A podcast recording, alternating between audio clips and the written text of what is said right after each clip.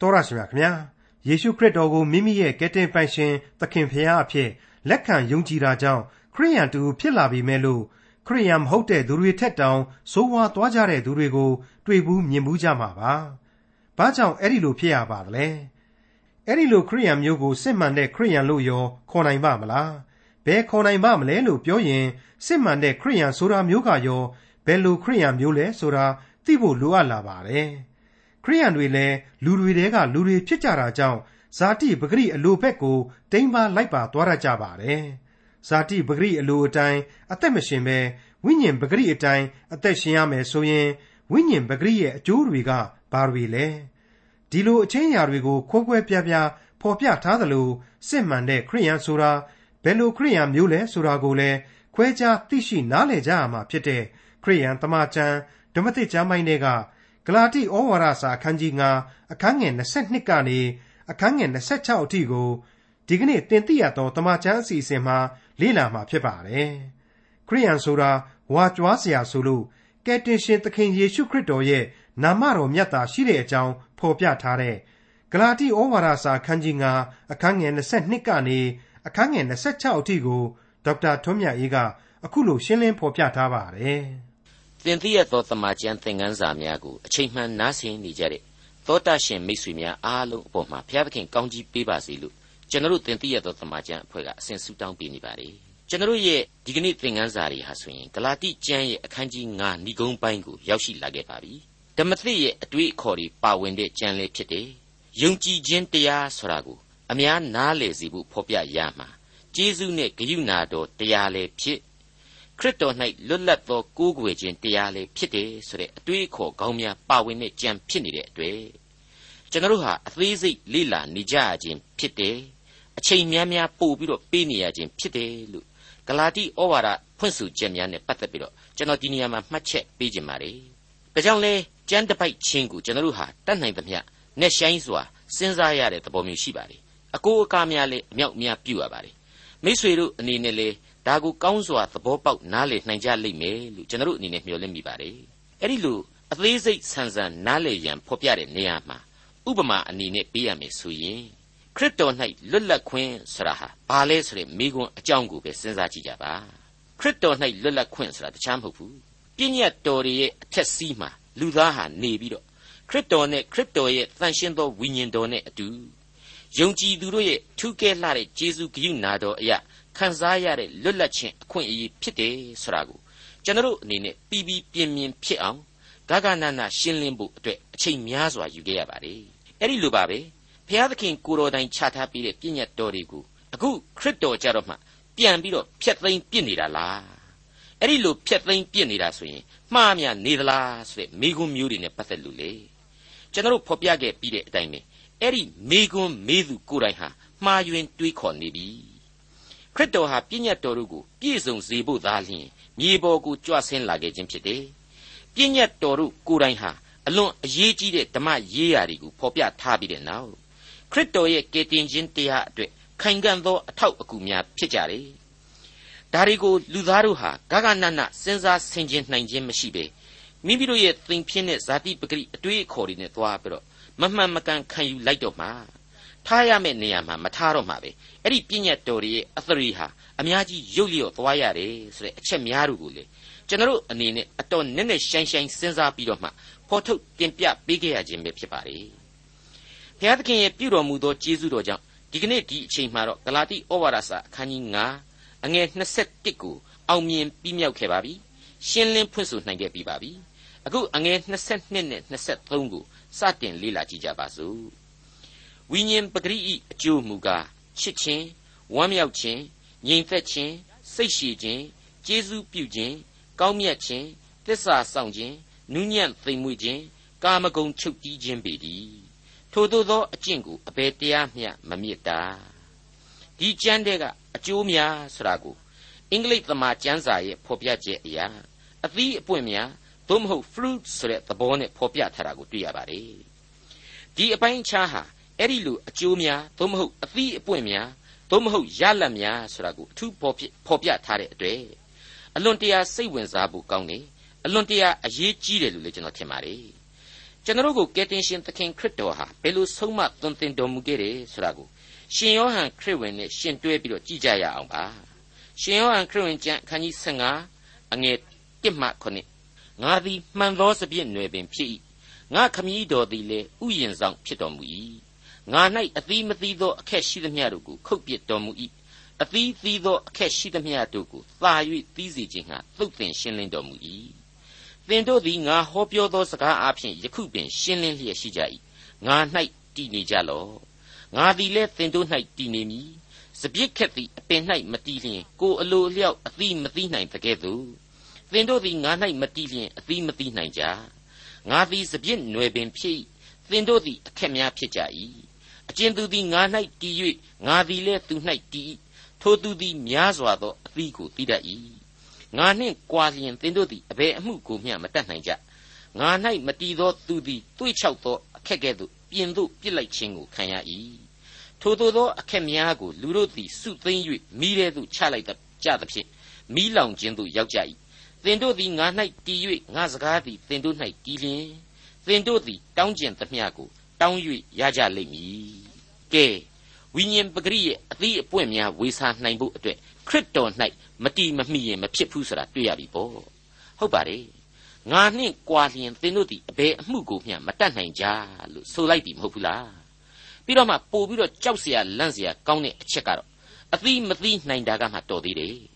ငါ၌မတီသောသူသည်သွေးချောက်သောအခက်ကဲ့သို့ပြင်သို့ပြစ်လိုက်ခြင်းကိုခံရ၏ ထိုသို့သောအခက်များကိုလူတို့သည်စုသိမ့်၍မိထဲသို့ချလိုက်ကြသဖြင့်မိလောင်ခြင်းသို့ရောက်ကြ၏တဲ့ဘလောက်ကြီးကြောက်เสียကောင်းတယ်လေအခြေအနေဆိုးတယ်လေဒီနေရာမှာလူဆရာဟာဇာတိပဂရိရဲ့ကိုစားပြုနံဖြစ်ပါတယ်အပြစ်တရားထဲမှာပဲစင်စင်လဲပြီးတော့ပြိုကျပြက်သုံးရလိမ့်မယ်ဆိုတဲ့သဘောတရားကိုဖော်ပြနေတယ်ဆိုရင်မမှားပါဘူးအဲ့ဒါဟာအကျွင့်မဲ့ပျက်စီးဆုံးရှုံးခြင်းရဲ့သရုပ်မိတ်ဆွေအပေါင်းတို့ အဲ့ဒီလိုဝိညာဉ်ပဂရိရဲ့အကျိုးများသို့မဟုတ်အသီးအပွင့်များသို့မဟုတ်ရလတ်များဆိုတာဟာလေယုံကြည်ခြင်းတရားရဲ့အင်အားအပေါ်မှာမူတည်ပြီးတော့မှအမျက်အစွန်းအတိုင်းအတာအမျိုးမျိုးရှိနိုင်သေးတယ်ဆိုတာကိုရှင်မသက်ခရစ်ဝင်ကျမ်းအခန်းကြီး73မှာဖော်ပြထားတာကိုကျွန်တော်မေ့လို့မရနိုင်ပါဘူးရှင်မသက်ခရစ်ဝင်ကျမ်းအခန်းကြီး73အငယ်1မှ9ကိုပြန်ပြီးတော့စဉ်းစားနိုင်ဖို့ရန်အတွက်ကျွန်တော်တစ်ခေါက်ဖတ်ပြပါရစေထိုနေ့၌ယေရှုသည်အိမ်ကထွက်၍အိုင်နားမှထိုင်နေတော်မူသည်တွင် များစွာသောလူအပေါင်းတို့သည်ကိုတော်ကိုဝန်းရံ၍စုဝေးလျက်ရှိကြသောကြောင့်လှေတဲသို့ဝင်၍ထိုင်တော်မူ၏ပရိသတ်အပေါင်းတို့သည်ကုန်းပေါ်မှရပ်နေကြ၏ထိုအခါဥပမာစကားများတို့ကိုမွဲ့ဆိုတော်မူသည်မှာမျိုးစေ့ကျဲသောသူသည်မျိုးစေ့ကိုကျဲခြင်းဟာထွက်သွား၏အစေ့ကိုကျဲသည်တွင်အချို့သောအစေ့တို့သည်လမ်း၌ကျသဖြင့်ငှက်တို့သည်လာ၍ကောက်စားကြ၏အချို့သောအစေ့တို့သည် မြေနှဲ၍ကြောက်ပေါများသောအရ၌ကျသဖြင့်မြေတိမ်သောကြောင့်ချက်ချင်းအပင်ပေါက်တော်လေနေထွက်သောအခါပူလောင်သည်ဖြစ်၍အမြင့်မစွဲသောကြောင့်ညှိုးနွမ်းပျက်စီးခြင်းသို့ရောက်ကြ၏အချို့သောအစေတို့သည်စူးပင်တို့တွင်ကျသဖြင့်စူးပင်တို့သည်ကြီးပွား၍ညှင်းဆဲကြ၏အချို့သောအစေတို့သည်ကောင်းသောမြေ၌ကျသဖြင့်အဆ30အဆ60အဆ100ပွားများ၍အသီးသီးကြ၏ကြားเสียနားရှိသောသူမြည်သည်ကကြားပါစေဟုမိန့်တော်မူ၏ ရှင်းနေပါတယ်နော်ဝိညာဉ်ပဂရိအကျိုးကျေးဇူးဖြစ်သောကောင်းသောသီးနှံများဟာကျွန်တော်ကြားခဲ့ရတဲ့အနှစ်ချုပ်တဲ့မကမရေမတွက်နိုင်အောင်များပြားသောကောင်းကြီးများအဖြစ်တည်နေတယ်ကျွန်တော်ရဲ့စိတ်နှလုံးသားနှလုံးသားစိတ်အစဉ်ရဲ့အင်အားပြည့်ဝမှုခရစ်တော်၌တည်တံ့ခိုင်မြဲမှုတွေအလိုက်လေအောင်မြင်ခြင်းပမာဏတို့ဟာမတူညီသေးဘူးဆိုတာကိုတွေ့လာရတယ်ဘလောက်ကြည့်အံ့ဩဖို့ကောင်းတယ်လေဒီအပိုင်းမှာအထူးအရေးတကြီးရင်ဝယ်ပိုက်ဖို့ကတော့ အရင်အမြင့်မှာကလေးကဇာတိပဂရိအဖြစ်အလိုအလျောက်အပြစ်ရှိနေတဲ့ကျွန်တော်ကနေပြီးတော့ယုံကြည်ခြင်းကြီးကောင်းမွန်လွန်းလို့ပဲဖြစ်ဖြစ်စက္ကပ်အနှံတဲ့နေရာမှာထူးကဲလွန်းလို့ပဲဖြစ်ဖြစ်ကျွန်တော်အခုဖော်ပြခဲ့တဲ့ဝိညာဉ်အသီးအပွင့်ကြီးတွေဟာမိမိတို့ရဲ့အကျင့်သီလကြီးတွေကြောင့်တိုးတက်ဆပွားရတယ်လို့တော့လေမမှတ်ရပြန်ဘူးဆိုတဲ့အချက်ပါပဲဆိုလိုတာကတော့ကျွန်တော်လူသားရဲ့ဘက်ကနှလုံးသားမှာဘာရှိနေတယ်ဆိုတာကိုဘုရားသခင်ဟာသိတော်မူတယ် အဲ့ဒီလိုသိနာလေတော်မူတဲ့အစွန်းတတ္တိရှိတယ်ဆိုတာကိုလေသမာကျမ်းစာရဲ့သင်ခန်းစာအဆက်ဆက်မှာကျွန်တော်တို့ကမငင်းနိုင်အောင်တွေ့ရပြီးသားဖြစ်ပါတယ်ဒါပေမဲ့အဲ့ဒီလိုဘုရားသခင်ကသိအောင်လို့ကျွန်တော်တို့ကပြစားပြီးတော့ကျောင်းသားဘဝကအတန်းနဲ့မှဂုံတူးရအောင်ကြိုးစားနိုင်လို့ဂုံတူးရတယ်ဆိုတဲ့လောကအမြင်မျိုးနဲ့မမြင်ရပါဘူးဘုရားသခင်ကသူ့ရဲ့ကျေးဇူးဂရုဏာတော်နဲ့အညီခြားထားပေးသောကောင်းကြီးများကိုကျွန်တော်ဟာကိုစွန်းကိုစမပါဘဲနဲ့ မပါဘဲနဲ့ဘုရားသခင်ရဲ့ကျေးဇူးတော်သက်သက်ကြောင့်သာခံယူရခြင်းဖြစ်တယ်ဆိုတဲ့အလွန်အရေးကြီးတဲ့နောက်ထပ်ခံယူချက်ကိုယင်ထဲမှာမွေးမြူထားကြရမှာဖြစ်ပြန်ပါလေရှင်းပါတယ်နော်အဲ့ဒီလိုအထက်ကဖော်ပြခဲ့တဲ့ကိုစွန်းကိုစားတို့ကိုယ့်ရဲ့အကျင့်တရားကောင်းတာတို့ဒါတွေကိုလောကကဘာပေါ်မှာသာကျွန်တော်ပြောချင်ရင်သွားပြောဘုရားသခင်နဲ့ပတ်သက်ရင်တော့လာမပြောနဲ့ပြောဖို့ဆိုတာကိုဝေလာဝေးစိတ်ထဲမှာတောင်မှရောင်းပေါင်ပြီးတော့မတွေးကြနဲ့ အဲ့ဒီအချက်တွေဟာဘဝသစ္စာအဖြစ်ခရိယန်ယုံကြည်သူတို့အစဉ်တစိုက်ဆွဲမှတ်ထားရမယ့်အချက်တစ်ခုဖြစ်ပါတယ်ဒါဆိုရင်ဝိညာဉ်ပဂရိရဲ့ရလတ်သို့မဟုတ်ဝိညာဉ်ပဂရိရဲ့အသီးအပွင့်သို့မဟုတ်အကျိုးကျေးဇူးဆိုတဲ့ကျေးဇူးတရားအပေါင်းတို့ရဲ့အစဟာလူဇာတိကလာတာမဟုတ်ဘူးဖျားသခင်ရဲ့တန်ရှင်းသောဝိညာဉ်တော်အားဖြင့်သာရရှိတယ်ဆိုတာဟာပြက်ပြက်သားသားကြီးအဖြေပေါ်ပေါက်လာပါပြီဟုတ်ပါတယ်ပြီးခဲ့တဲ့ဂလာတိသင်ခန်းစာတွေဟာလေဒီအချက်တွေကိုဖော်ပြပေးခဲ့ပါပြီ ဂလာတိဩဝါဒစာအခန်းကြီး၄အစပိုင်းတွေကိုပြန်လည်ပြီးတော့အမှတ်ရကြပါဂလာတိဩဝါဒစာအခန်းကြီး၄အငယ်1မှ9တဖန်တုံအမွေခံမြည်သည်ကဥစ္စာရှိသမျှကိုပိုင်တိုက်သောသူဖြစ်တော်လေအရွယ်မရောက်မီကာလပတ်လုံးအစေအပါကျွန်းနှင့်တူ၏အဖစီရင်နှင့်သောအချိန်ကာလမရောက်မီတိုင်အောင်အဆောင်အထင်းအအုပ်အချုပ်တို့လက်၌ရှိ၏ထိုနည်းတူငါတို့သည်အရွယ်မရောက်မီလောကီတရားနုလက်၌ကျွန်ခံရကြ၏ အချိန်ကာလစေသောအခါငါတို့သည်သားဤအခွင့်အရာကိုခံရမည်အကြောင်းပြည့်ညက်တရားလက်၌ရှိသောငါတို့ကိုရွေးနှုတ်စေခြင်းဟာမိမဝတ်၌ပရိသေယူ၍ပြည့်ညက်တရားအောက်၌ဖွားမြင်ရသောသားတော်ကိုဖျားသခင်သည်စေလွှတ်တော်မူ၏ထို့သောသင်တို့သည်သားဖြစ်သောကြောင့်အဘအဖဟုခေါ်တတ်သောသားတော်ဤဝိညာဉ်တော်ကိုသင်တို့စိတ်နှလုံးထဲသို့ဘုရားသခင်ဆေလွှတ်တော်မူ၏တို့ဖြစ်၍သင်တို့သည်နောက်တဖန်အစေအပါကျွန်မဖြစ်သားပင်ဖြစ်ကြ၏ သားဖြစ်ရင်ခရစ်တော်အားဖြင့်ဘုရားသခင်၏အမွေခံလည်းဖြစ်ကြ၏ဒါဟာဂလာတိဩဝါဒစာရဲ့အခန်းကြီး၄သင်ခန်းစာမှာတော့ကကျွန်တော်တို့ကြားခဲ့ရပြီးသားပါခရစ်တော်ကြောင့်သာအပြစ်မှလွတ်မြောက်ရတယ်ခရစ်တော်အားဖြင့်သာတန်ရှင်းသောဝိညာဉ်တော်ကိုခံယူနိုင်တယ်ခရစ်တော်အားဖြင့်သာလျှင်အပြစ်ရဲ့ကျွန်များဖြစ်သူကျွန်တော်တို့ဟာဘုရားသခင်ဤသာဝရအသက်အမွေခံများဖြစ်လာကြရတယ်ကို့မှာဘာမှအရေးချင်းတွေရှိပြီးတော့ငွေတွေစည်းစိမ်တွေနဲ့လှူနိုင်တန်းနိုင်လို့မဟုတ်ဘူး ကို့ဘဝကိုကိုပေးဆက်နိုင်လို့မဟုတ်ဘူးကောင်းမှုတွေကိုဆောင်ကျဉ်နိုင်လို့မဟုတ်ဘူးဆိုတာကိုဖော်ပြထားပါတယ်ဘုရားသခင်ထံတော်ကကယ်တင်ခြင်းဆိုတာဟာစကြဲကတစ်ဖက်သက်ဆင်းသက်လာတဲ့ပြုတော်မူသောကျေးဇူးသာဖြစ်တယ်ဘုရားသခင်ဘက်ကရောင်းကုန်ပစ္စည်းမဟုတ်သလိုကျွန်တော်ဘက်ကလည်းဝယ်ကုန်မျိုးမဟုတ်ပါဘူးကျွန်တော်ကဒါကိုအဓိကအားဖြင့်ယုံကြည်ခြင်းနဲ့သာရယူနိုင်ပါတယ်အဲ့ဒီယုံကြည်ခြင်းဟာလေနောင်တနဲ့ကျိုးပဲ့ကြေမွသောနှလုံးသားများအပေါ်မှာအခြေခံပြီးတော့မှ အကျွင်းမဲ့သောစိကတ်ကိုးကွယ်ခြင်းသာဖြစ်တဲ့အကြောင်းတင်ပြလိုက်ပါရစေအခုတမန်တော်ကြီးရဲ့ကျမ်းစကားတွေဟာဘလောက်ကြည့်လေးနဲ့တည်းအရေးကြီးနေတယ်ဆိုတာကိုဆက်လက်စဉ်းစားကြည့်ကြပါဝိညာဉ်ပဂရိအကျိုးမူကားဆိုပြီးတော့ဆိုထားပါလေကျွန်တော်ကရှင်းအောင်လို့သာအကျိုးများဆိုပြီးပြောနေပြီမြကျမ်းစာမှာကရှင်းရှင်းလေးပဲဝိညာဉ်ပဂရိအကျိုးမူကားတဲ့အကျိုးများမူကားဆိုပြီးတော့မဖော်ပြဘူး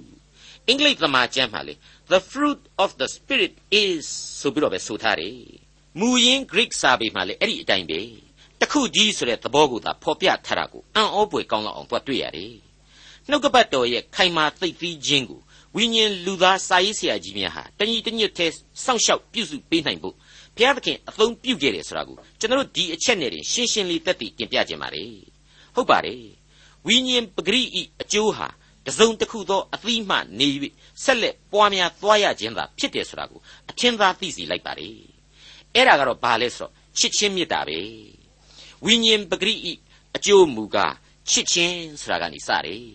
အဲ့ဒီချစ်ချင်းမေတ္တာတရားကနေပြီးတော့မှနောက်ဆက်တွဲပေါ်လာတာတွေကတော့ဝမ်းမြောက်ခြင်းငြိမ်သက်ခြင်းစိတ်ရှိခြင်းကျေးဇူးပြုခြင်းကောင်းမြတ်ခြင်းသစ္စာဆောင်ခြင်း နူးညံ့သိမ်မွေ့ခြင်းကာမဂုဏ်ချုပ်တီးခြင်းစတဲ့များစွာသောအကျိုးကျေးဇူးတို့ဆက်လက်ပေါ်ထွက်စေတယ်ဆိုတာကိုဖော်ကျူးထားလိုက်ပါတယ်။ကောင်းပြီ။ဒီအပြစ်ဇာတိလူသားကိုချစ်ချင်းမေတ္တာဆိုတဲ့အသီးကိုပထမဦးဆုံးဖြစ်စေတာဟာဘာကြောင့်လဲဆိုပြီးတော့မေးစရာပေါ်လာပါတယ်။ရှင်းပါတယ်။ဖျားသခင်သည်ချစ်ချင်းမေတ္တာဖြစ်၍သူ၏တန်ရှင်းသောဝိညာဉ်တော်ဤလူသားထံမှပထမဦးဆုံးသောအသီးဟာချစ်ချင်းမေတ္တာသားလျှင်ဖြစ်ရပါလိမ့်မယ်ဟုတ်ပါတယ် ပြည့်ညတ်တော်အရေးမှာဘုရားသခင်ဖော်ပြတဲ့ချစ်ချင်းဟာသူ့ဘက်မှသာလူသားတို့ယက်တီအပြစ်တရားကိုစားပြုရန်သူကိုအကျွင့်မဲ့ဆန့်ကျင်ဆိုတဲ့ချစ်ချင်းမေတ္တာပုံစံကိုဖော်ပြထားတဲ့ချစ်ချင်းပဲဖြစ်ပါလေကျေးဇူးနဲ့ဂရုဏာတော်ကာလအဖို့မှာကတော့ခရစ်တော်ဤအသွေးတော်သည်အပြစ်လောကတစ်ခုလုံးအတွက်ကယ်တင်ခြင်းကိုပေးခဲ့ပြီဒီချစ်ချင်းမေတ္တာတော်သည်ယုံကြည်သူတိုင်းဤနှလုံးသားမှာ ဝိညာဉ်တော်အားဖြင့်တည်စေရမည်ဆိုတဲ့အလွန်အံ့ဩဖွယ်သဘောတရားအသစ်ကိုဆောင်ကျင်းလာပါတယ်ခရစ်တော်အားဖြင့်ဘုရားသခင်ပေးတဲ့ချစ်ချင်းမေတ္တာဟာလူအင်အားနဲ့မွေးဖွားယူလို့မရနိုင်အောင်လေးနဲ့လှပါတယ်ဒီချစ်ချင်းမေတ္တာတော်ဟာလူသားတွေလွဲမှားစွာတွေးထင်နေတဲ့ရမက်အစွဲအလန်းမဟုတ်သလိုတန်ရောစဉ်ပူလောင်ခြင်းလို့လည်းအရှင်းမဆိုနိုင်ပါဘူးကောရိန္သုဩဝါဒစာပထမစာဆောင်မှာချစ်ချင်းမေတ္တာရဲ့အကြောင်းကိုအခန်းကြီး73အရာအခုလိုတွေ့ကြရပြီးပါပြီ ကောရိန္သုဩဝါဒစာပထမဆောင်အခန်းကြီး73အငယ်1မှ8ငါသည်လူဘာသာစကားကို၎င်းကောင်းကင်တမန်ဘာသာစကားကို၎င်းပြောနိုင်တော်လေမေတ္တာမရှိလျင်အသံမြည်သောတဘိုးခေယာကဲ့သို့၎င်းတီးသံကိုသာပေးတတ်သောလင်းကွင်းကဲ့သို့၎င်းဖြစ်၏ပရောဖက်ဉာဏ်ကိုငါရ၍နည်းနည်းသောအရာရှိသမျှတို့နှင့်သိပ္ပံအတက်အမျိုးမျိုးကိုတတ်တော်၎င်းတောင်များကိုရွှေ့နိုင်သောယုံကြည်ခြင်းအမျိုးမျိုးနှင့်ပြည့်စုံတော်၎င်း မေတ္တာမရှိလျင်အချီးနှီးတက်တက်ဖြစ်၏သူတစ်ပါးကိုငါကြွေးမွေး၍ဥစ္စာရှိသမျှကိုစွန့်ကြဲသည်သာမကကိုခန္ဓာကိုမိရှုစေခြင်းငါအပ်တော်လေမေတ္တာမရှိလျင်ငါ၌အကျိုးမရှိမေတ္တာသည်စိတ်ရှိတတ်၏ကျေးဇူးပြုတတ်၏မေတ္တာသည်ဂုံပြိုင်ခြင်းမရှိဝါကြွားခြင်းမရှိမာမာနမရှိမလျောက်ပတ်စွာမကျင့်တတ်ကိုအကျိုးကိုမရှာတတ်ဒေါသအမျက်မထွက်တတ်အပြစ်ရှိသည်ဟုမထင်တတ်မတရားသောအမှု၌ဝမ်းမြောက်ခြင်းမရှိတတ်သမာတရား၌ဝမ်းမြောက်တတ်၏ ခတ်သိမ်းသောအရာကိုဖုံးအုပ်တတ်၏ခတ်သိမ်းသောအရာကိုယုံတတ်၏ခတ်သိမ်းသောအရာကိုမျှော်လင့်တတ်၏ခတ်သိမ်းသောအရာကိုသီးခံတတ်၏မေတ္တာသည်ဖောက်ပြန်ခြင်းသဘောနှင့်အစဉ်ကင်းလွတ်၏ပရောဖက်ဉာဏ်တော်၎င်းအမျိုးမျိုးသောဘာသာစကားကိုပြောနိုင်သောအခွင့်တော်၎င်းသိပ္ပံအတတ်တော်၎င်းကွယ်ပြောက်လိမ့်မည်ဒီတော့သူသာမရှိရင်ဘာအကျိုးမှနောက်ထပ်မရှိနိုင်တဲ့မေတ္တာမလျောက်ပတ်စွာမကျင့်စေသောမေတ္တာ တမာတရား၌ဝမ်းမြောက်စေတတ်သောမေတ္တာခတ်သိမ်းသောအရာကိုဖုံးအုပ်တတ်သောမေတ္တာဖောက်ပြန်ခြင်းသဘောနှင့်အစဉ်ကင်းလွတ်စေတဲ့ချစ်ချင်းမေတ္တာသာလျှင်ဖြစ်ပါလေအဲ့ဒီချစ်ချင်းမေတ္တာတရားဟာခရစ်တော်ပြည့်ညတ်ခဲ့တဲ့မေတ္တာသာဖြစ်ပြန်တယ်ဆိုတာကိုလေရှင်မသက်ခရစ်ဝင်ကျမ်းအခန်းကြီး9မှာပြန်ကြည့်ရင်အငယ်53ကနေ44အရာမြင်ရတဲ့အတိုင်းတက်ဖီခိုင်ခန့်စွာကျွန်တော်တို့ကြည်နိုင်ပါလိမ့်မယ်ငါပြည့်ညတ်သည်ကသင်တို့သည်ကောင်းကင်ဘုံ၌ရှိတော်မူသောသင်တို့၏အဖ၏ သားဖြစ်လိုသောငါသင်တို့၏ရန်သူတို့ကိုချစ်ကြလော့သင်တို့ကိုကြိမ်ဆဲသောသူတို့ကိုမေတ္တာပို့ကြလော့သင်တို့ကိုမုန်းသောသူတို့အားကျေးဇူးပြုကြလော့သင်တို့ကိုနှောက်ယှက်ညှင်းဆဲသောသူတို့အဖို့ဘုရားသခင်ကိုဆုတောင်းကြလော့အဲ့တော့မိတ်ဆွေအပေါင်းတို့ဒီဘုရားသခင်ပေးတဲ့ချစ်ချင်းမေတ္တာစိတ်ဟာယုံကြည်ခြင်းအပြင်ယင်ထဲမှာဘုရားသခင်ပေးတဲ့တန်ရှင်းသောဝိညာဉ်တော်ရဲ့ပြုစုစောင့်ရှောက်ခြင်းအပြင်သာရရှိနိုင်တယ် ခရစ်တော်ကိုမိမိကချစ်ခင်ကိုးစားခြင်းအပြင်သာရရှိနိုင်တယ်တနည်းအားဖြင့်ဝိညာဉ်နှလုံးသားရဲ့ပထမဦးဆုံးသောအသည့်အပွင့်သာဖြစ်တယ်ဆိုတာကိုကျွန်တော်နားလည်နိုင်လောက်ပါပြီအဲ့ဒီဘုရားသခင်ချစ်ချင်းမေတ္တာကနေစလာတဲ့ဝိညာဉ်ပဂရိရဲ့အကျိုးများအဖြစ်ချစ်ချင်းရဲ့နောက်မှာဝမ်းမြောက်ခြင်းငြိမ်သက်ခြင်းစိတ်ရှည်ခြင်းကျေးဇူးပြုခြင်းကောင်းမြတ်ခြင်းသစ္စာစောင့်တည်ခြင်းနူးညံ့သိမ်မွေ့ခြင်းကာမဂုဏ်ချုပ်တီးခြင်းအသီးအပွင့်တွေဟာ ယုံကြည်သူတို့ရဲ့အသက်တာမှာဆက်လက်သီးပွင့်လာကြရတယ်ဟုတ်ပါတယ်ယုံကြည်ခြင်းနှလုံးသားမှဝိညာဉ်တော်ချထားပေးလိုက်တဲ့ဒီအောင်မြင်မှုတွေကိုဇာတိပဂရိကိုခန္ဓာကနေမွေးပေးနိုင်တာမဟုတ်ပါဘူးခရစ်တော်ကသာလျှင်ကျေးဇူးပြုခြင်းကြောင့်ဒီအသီးအပွင့်များဝေစားရခြင်းပါထို့သောသောအကျင့်ကိုအဘယ်တရားမျှမမြစ်တာတဲ့ဒီအပိုင်းကိုတချို့ကတခြားဘယ်ဘာသာတရားကမှလည်းမမြစ်တာဘူး လို့ဆိုချင်တာဆိုပြီးတော့တွေးခေါ်ကြပါလေမဟုတ်ပါဘူးအကျင့်တရားပြည့်ညတ်တရားများကိုရှင်ပေါလုရည်ညွှန်းဖော်ပြနေပါတယ်မမြစ်တာဆရာဟာမစည်းလဲမစည်းတာနိုင်ဘူးဖော်လဲမဖော်ထုတ်ပေးနိုင်ဘူးဆိုတဲ့ပိတ်ဆို့စီးတာနေခြင်းသဘောကိုတမန်တော်ကြီးရှင်းရှင်းကြီးဖော်ပြလိုက်တာပါအဲ့ဒီလိုဆိုရင်လူသားဟာဘုရားသခင်ရဲ့ဝိညာဉ်တော်မပါဝင်ဘဲနဲ့မေတ္တာတွေသစ္စာတွေမရှိနိုင်တော့ဘူးလားဆိုပြီးတော့မေးမယ်ဆိုပါတော့ဘယ်လိုဖြေကြမှာတုံးရှိနိုင်လို့ပဲရှိခဲ့တဲ့မေတ္တာရှင်ကြီးတွေ သစ္စာရှင်ကြီးတွေဟာကမ္ဘာသမိုင်းမှာအများကြီးပဲမဟုတ်ဘူးလားအနည်းဆက်ဆုံးဥပမာပေးဆိုရင်လောကနိဗ္ဗာန်ကြီးကိုတိဆောက်ကြစို့ဆိုတဲ့နိုင်ငံရေးသမိုင်းအဆက်ဆက်ကမဟာဒသနကြီးတွေနဲ့ပုဂ္ဂိုလ်အကျော်အမော်ကြီးတွေဟာအဲ့ဒီမေတ္တာရှင်ကြီးတွေပဲဆိုတာဘယ်သူညင်းနိုင်မှာတော့ဒါဟာတော်ယုံတန်ယုံမေတ္တာနဲ့အားထုတ်ပြီးရတာမျိုးမဟုတ်ပါဘူးနော်မမနေ့ဖြစ်ညစ်ပြီးတော့တွေးခေါ်မျှော်မြင်ပြီးတော့အဲ့ဒီလိုလူသားတို့ရဲ့ကောင်းစားရေးကိုတွေးခေါ်မျှော်မြင်ယူကြရတာမနေ့ဖော်ထုတ်ကြရတာ နှစ်ပေါင်းများစွာကြာခြင်းလဲကြာခဲ့ကြလိမ့်မယ်ဒါပေမဲ့အဲ့ဒီလိုမေတ္တာရှင်ကြီးတွေနဲ့အတူသူတို့ရဲ့အတွေးအခေါ်ဒေးဟာလေအကုန်နဘေးချော်ကုန်ရမည်ဖြစ်တယ်သူတို့ရဲ့ခစ်တီစနစ်တွေနဲ့အတူသူတို့ကိုယ်တိုင်ဟာလေရိုးပြမြေခကြွေကြပြီးသွားခဲ့ကြပြီဆိုတာရှင်းနေအောင်တွေ့ခဲ့ရပါတယ်လူသားတို့ရဲ့ကြံစီနိုင်ခြင်းအဆင့်တည်းမှသာမြင့်တဲ့နေရာမှာရှိတယ်လို့ပြောရပေမယ့်အသက်လန်းဆိုတာမပါဘူးလေလူတို့ကြံစီ၍မမိနိုင်သောငြိမ်သက်ခြင်းဝမ်းမြောက်ခြင်းဆိုတာတွေလည်းမပါဝင်နိုင်ဘူး လူသားဇာတိကလာတဲ့မေတ္တာတွေပြီးပြီးလူသားတွေမိနိုင်လောက်တဲ့ငြိမ်သက်ခြင်းနဲ့ဝမ်းမြောက်ခြင်းဆိုတာပဲရှိနေနိုင်တာကိုလည်းတွေ့ရပါတယ်ဘုံမဟုတ်ပတ်မဟုတ်ငြိမ်သက်ခြင်းနဲ့ဝမ်းမြောက်ခြင်းပေါ့တနည်းအားဖြင့်ဆိုရင်တော့အုံနှောက်နဲ့ဆင်ခြင်စဉ်းစားပြီးတော့ခံစားထိတွေ့နိုင်ခြင်းဖြစ်တယ်ဝိညာဉ်ပဂရိရဲ့အကျိုးများရဲ့စံချိန်စံညွှန်းကိုတော့ဘယ်လို့မှမိနိုင်စွမ်းမရှိဘူးလို့ဒီနေရာမှာပြက်ပြက်သားသားတင်ပြလိုက်ပါရစေအဲ့ဒီချစ်ချင်းမေတ္တာတော်ရဲ့အရှင်ကသာပေးစွန်းနိုင်တဲ့ချစ်ချင်းနဲ့ ဆက်နွယ်နေတဲ့နောက်ထပ်ဝိညာဉ်ပဂရိရဲ့အကျိုးများအကြောင်းကိုတော့ကျွန်တော်အသေးစိတ်ဖော်ပြမနေတော့ပါဘူးခရစ်တော်ရဲ့အသက်တာမှာရှင်သန်ခြင်းပုံစံပေါင်းများစွာကိုတွေ့ကြရပြီးပါပြီလူဆန်သောလူသားရဲ့တယုတ်၌ပင်မြင်တွေ့ရသောဝိညာဏနမိတ်လက္ခဏာများပဲလို့ဆိုလိုက်ပါရစေဂလာတိဩဝါဒစာအခန်းကြီး9အငယ်24ခရစ်တော်နှင့်ဆက်ဆိုင်သောသူတို့သည်ဇာတိပဂရိကို၎င်းဇာတိပဂရိစိတ်များနှင့်အလိုဆန္ဒများကို၎င်း လက်ဝါးကတ်တိုင်မှရိုက်ထားကြပြီဟုတ်ပါတယ်မိတ်ဆွေအပေါင်းတို့ခရစ်တော်ကိုယုံကြည်ခြင်းဆိုတာဟာသူ့ရဲ့ကားတိုင်းတော်ပေါ်မှာကျွန်တော်ရဲ့အပြစ်များအတွက်ရစ်ပူဇော်ခံခြင်းသို့မဟုတ်သူ့ရဲ့အသွေးတော်နဲ့ကျွန်တော်အပြစ်များကိုရွေးနှုတ်ခြင်းရှင်းရှင်းပြောရရင်တော့ကျွန်တော်အပြစ်သမိုင်းအတွက်အသေးခံတော်မူခြင်းကိုကျွန်တော်ယုံကြည်ကြရတာဖြစ်ပါတယ်သူ့ကိုယုံကြည်ပြီးဆိုတာနဲ့ကျွန်တော်ဟာကျွန်တော်ရဲ့အပြစ်ဘဝမှာသေပြီးတဲ့နောက် အသစ်သောဘဝမှာပြန်လဲရှင်ပြန်ဖို့ရှင်ပြန်နိုးထဖို့လိုအပ်လာပါတယ်အဲဒါကြောင့်မလို့အခုလို့မိမိတို့ရဲ့ဇာတိပဂရိစိတ်များနှင့်အလိုဆန္ဒများကိုသူ၌ပါဝင်အသေးခံတဲ့သဘောမျိုးလက်ဝါးကတ်တိုင်တော်ပေါ်မှာရိုက်ထားကြရမယ်တနည်းဆိုရင်ကားတိုင်တော်ရှေ့မှာချထားပစ်လိုက်တယ်စွန့်ပစ်လိုက်တယ်ဆိုတဲ့အတိတ်ပဲကိုဆောင်ယူခြင်းဖြစ်ပါတယ်ယောမဩဝါဒစာအခန်းကြီး6အငယ်7မှ14အတွင်းမှာအခုလိုဖော်ပြထားခဲ့ပါတယ်ထို့ကြောင့် သင်တို့ဤသေတတ်သောကိုခန္ဓာဤတက်မဲ့ခြင်းအလိုသို့လိုက်ရသည့်တိုင်အောင်အပြစ်တရားသည်ကိုခန္ဓာကိုအစိုးမရစေနှင့်သင်တို့ဤကိုအင်္ဂါများကိုဒုစရိုက်လက်နှင့်ဖြစ်စေ၍အပြစ်တရားအားမဆက်ကြနှင့်သေခြင်းမှထမြောက်၍အသက်ရှင်သောသူကဲ့သို့ဘုရားသခင်အားကိုကိုကိုဆက်ကြလော့ကိုအင်္ဂါများကိုလည်းသူစရိုက်လက်နှင့်ဖြစ်စေ၍ဘုရားသခင်အားဆက်ကြလော့သင်တို့သည်ပြည့်ညက်တရားလက်၌မရှိကျေးဇူးတရားလက်၌ရှိသောကြောင့် အပြစ်တရားသည်သင်တို့ကိုမအုပ်ဆိုးရအဲ့ဒီအတိုင်းဖြစ်ပါလေဒီသဘောတရားကိုပဲကောလောသဲဩဝါဒစာနဲ့ကိုက်ညီပြီးကြည့်ရင်လေအလွန်အတိတ်ပဲလေးနဲ့နေပါလိမ့်မယ်ကောလောသဲဩဝါဒစာအခန်းကြီး3အငယ်1မှ9အတွင်းမှာဖော်ပြထားပြီးဖြစ်ပါတယ်ဒါကိုကျွန်တော်အနေနဲ့အသေးစိတ်ဖတ်မပြတော့ပါဘူးမိษွေတို့ပြန်လည်လေ့လာနိုင်ပါတယ်ကောလောသဲဩဝါဒစာအခန်းကြီး3အငယ်1မှ9အတွင်းဖြစ်ပါတယ်အထူးသဖြင့်အဲ့ဒီကောလောသဲဩဝါဒစာရဲ့အဲ့အငယ်9မှာဆိုရင် မတရားသောမေထုံ၌မိဝဲခြင်းညစ်ညူးစွာကျင့်ခြင်းကိလေသာပူပန်ခြင်းဆိုးညစ်သောတတ်မဲ့ခြင်းရုပ်ထုကိုကိုးကွယ်ခြင်းဖြစ်သောလောဘလွန်ကျူးခြင်းဒီဟုသောမြေကြီးပေါ်၌ရှိသောသင်တို့၏ကိုယ်အင်္ဂါတို့ကိုသေစီကြလော့ဆိုပြီးတော့ဖော်ပြထားတာတွေ့ရပါတယ်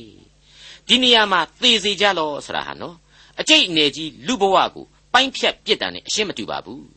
ခရစ်တော်ကိုယ်တော်တိုင်ဟာရှင်ယောဟန်ခရစ်ဝင်ကျမ်းအခန်းကြီး16မှာဆူတောင်းခဲ့တဲ့အချိန်မှာ ဤသူတို့ကိုဤလောကမှနှုတ်ယူတော်မူမည်အကြောင်းအကျွန်ုပ်တောင်းသည်မဟုတ်ပါဆိုပြီးတော့ဖော်ပြထားခဲ့သေးတယ်